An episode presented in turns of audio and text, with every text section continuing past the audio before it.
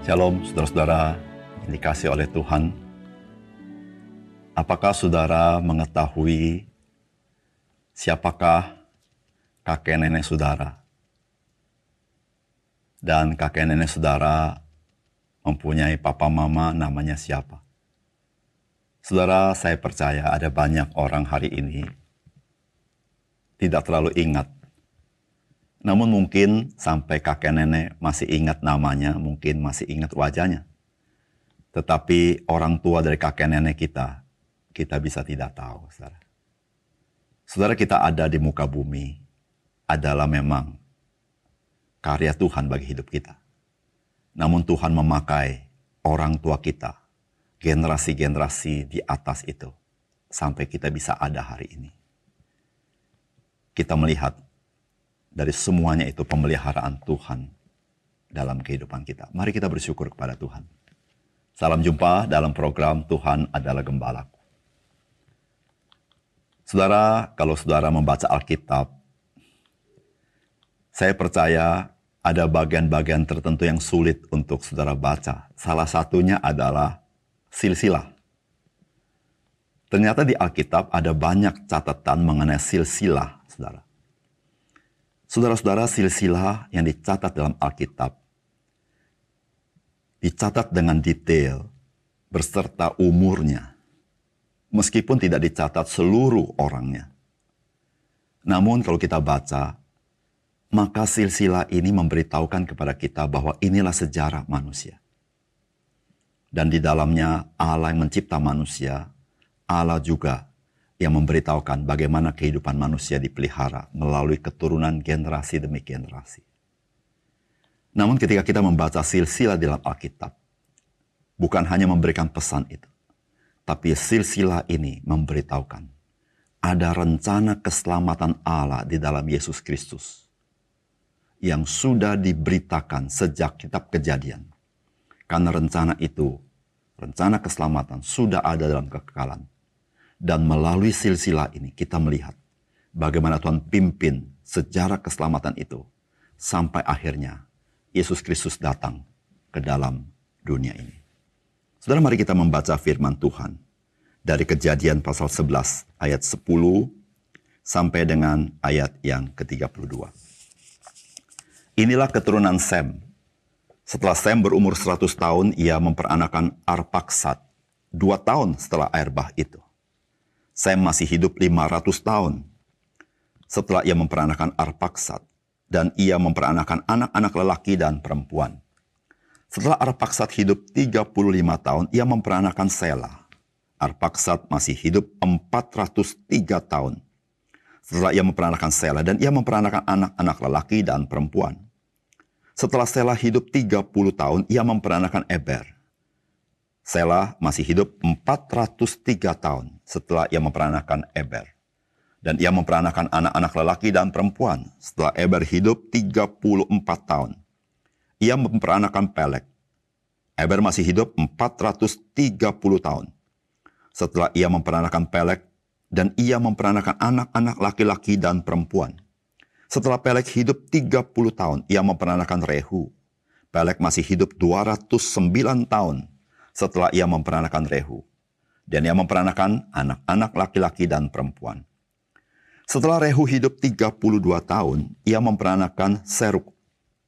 Rehu masih hidup 207 tahun setelah ia memperanakan Seruk dan ia memperanakan anak-anak lelaki dan perempuan.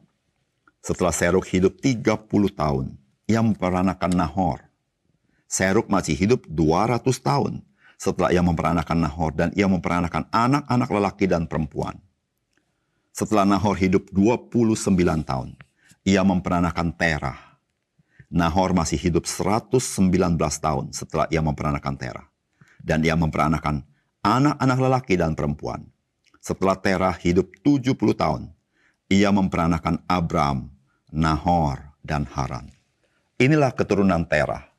Terah memperanakan Abraham, Nahor, dan Haran. Dan Haran memperanakan Lot. Ketika Terah ayahnya masih hidup, matilah Haran di negeri kelahirannya di Ur Kasdim. Abram dan Nahor, kedua-duanya kawin. Nama istri Abram ialah Sarai, dan nama istri Nahor ialah Milka. anak Haran, ayah Milka, dan Yiska. Sarai itu mandul, tidak mempunyai anak. Lalu Tera membawa Abram anaknya serta cucunya Lot, yaitu anak Haran dan Sarai menantunya, istri Abram, anaknya. Ia berangkat bersama-sama mereka dari Ur Kasdim untuk pergi ke tanah Kanaan. Lalu sampailah mereka ke Haran dan menetap di sana. Umur Tera ada 205 tahun, lalu ia mati di Haran.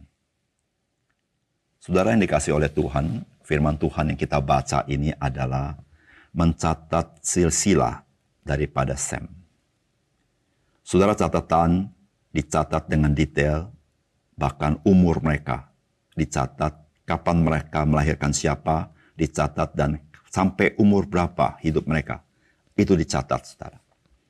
Saudara, kalau kita perhatikan kisah ini, maka sampailah kisah ini kepada satu nama, yang disebut dengan Abram. Saudara kita tahu bahwa Sem adalah keturunan Nuh. Bagaimana Nuh memberkati Sem, sehingga berkat itu berdampak kepada Yaf, keturunan Yafet dan keturunan Ham. Saudara-saudara, apakah pesan firman Tuhan bagi kita melalui silsilah daripada hak Sem ini? Yang pertama, saudara, Saudara dalam silsilah ini ada rancangan keselamatan dari Allah.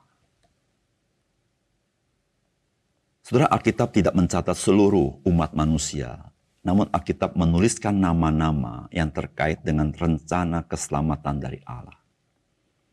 Saudara, mengapa perlu Alkitab mencatat silsilah yang seperti ini secara detail?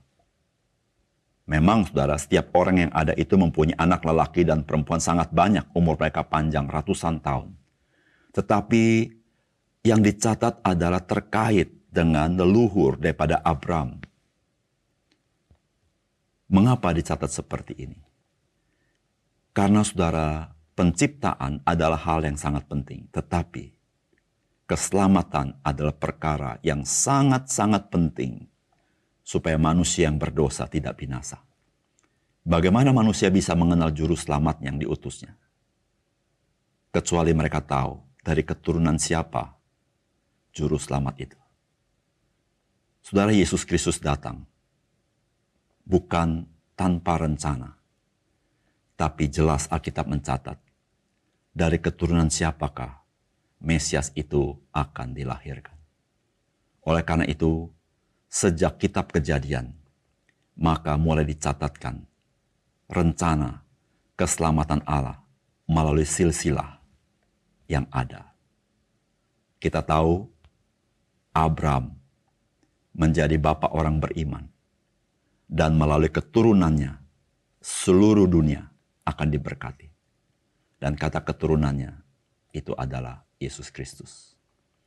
Saudara yang kasih dalam Tuhan, kita mengenal Yohanes 3 ayat 16. Karena begitu besar kasih Allah akan dunia ini. Sehingga ia mengutus anak yang tunggal supaya barang siapa yang percaya kepadanya tidak binasa. Melainkan beroleh hidup yang kekal.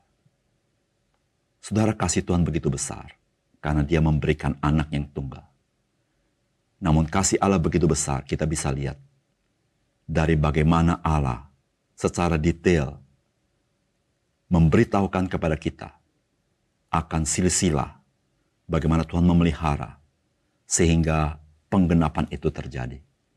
Jikalau bukan kasih yang begitu besar, sulit bagi kita bisa melihat bagaimana penggenapan akan janji keselamatan itu digenapi.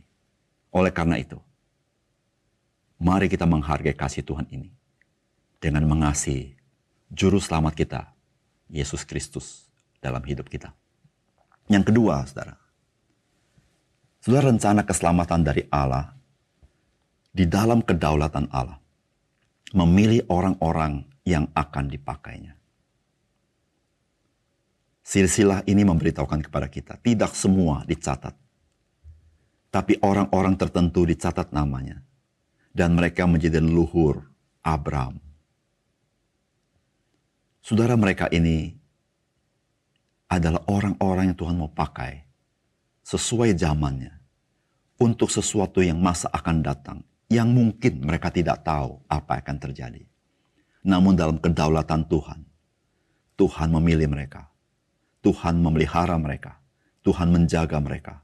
Sampai akhirnya lahir Abraham. Dan kita tahu, dari Abraham sampai Yesus Kristus, masih ada silsilah yang akan dicatat dalam Alkitab.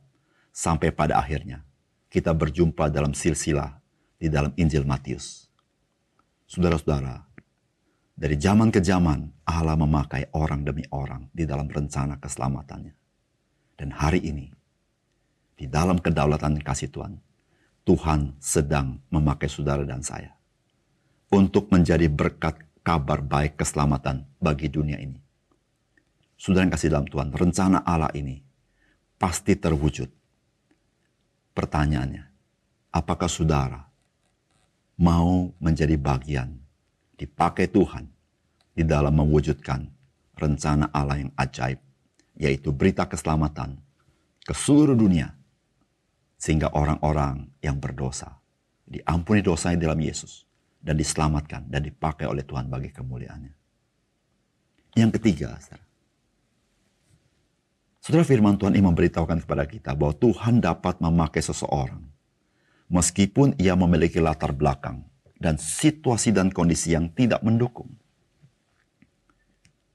Saudara, berapa sering kita berkata, "Saya tidak bisa dipakai oleh Tuhan karena saya punya latar belakang yang buruk, karena saya mengalami situasi dan kondisi yang tidak memungkinkan." Saudara, tahukah saudara, siapakah leluhur daripada Abraham? Saudara Abraham punya orang tua, bukanlah orang percaya. Terah dia politeisme. Dia menyembah banyak dewa. Namun Tuhan memakai Abraham menjadi bapak orang beriman. Meskipun dari keluarga yang tidak menguntungkan bagi dia. Namun Tuhan bisa memakai Abraham. Saudara yang kasih dalam Tuhan. Ada banyak dalam silsilah Alkitab yang menggambarkan kepada kita. Ada orang-orang tertentu yang kita lihat masa lalu yang begitu buruk. Leluhurnya begitu buruk namun di dalam anugerah Tuhan, Tuhan memakai keturunannya untuk menjadi berkat bagi seluruh dunia ini. Saudara yang kasih dalam Tuhan, rahasianya adalah kita percaya bahwa Tuhan, dia punya kuasa, dia memiliki kasih dan sanggup memakai kita. Relakah kita menyerahkan hidup kita ke dalam tangan Tuhan? Di situlah saudara, Tuhan bisa memakai kita apa pun latar belakang saudara bagaimanapun situasi dan kondisi saudara. Dia sanggup memakai saudara dan saya bagi kemuliaannya. Mari kita berdoa. Bapak surga terima kasih untuk kebenaran firman-Mu. Dari silsilah Sem ini, kami mendapatkan pesan yang sangat berharga, yang begitu bernilai dalam hidup kami. Ya Tuhan tolong kepada kami supaya kami menghargai anugerah dalam Yesus Kristus. Engkau memberikan anakmu yang tunggal, itulah kasihmu yang terbesar. Namun dari silsilah ini kami tahu ya Tuhan, kasihmu itu terwujud melalui bagaimana Tuhan memelihara rencana keselamatan Tuhan dari generasi ke generasi, bahkan mulai dari kitab kejadian, sampai pada akhirnya 2000 tahun yang lalu, engkau memberikan anakmu yang tunggal. Dan hari ini, kami bisa mengenali juru selamat kami melalui kitab suci. Ya Tuhan, kami tahu ya Tuhan, pelayanan pemberitaan kabar baik tidak berhenti sampai situ. Tapi Tuhan akan memakai kami, sebagaimana Tuhan memakai masa lalu itu, untuk menjadi berkat kabar baik. Tuhan relakan diri kami, apa pun kondisi latar belakang kami, supaya kami rela dipakai bagi kemuliaan Tuhan. Kami serahkan hidup kami hari ini, biar hidup kami adalah hidup sesuai dengan rencana Tuhan. Dalam nama Tuhan Yesus kami berdoa. Amin.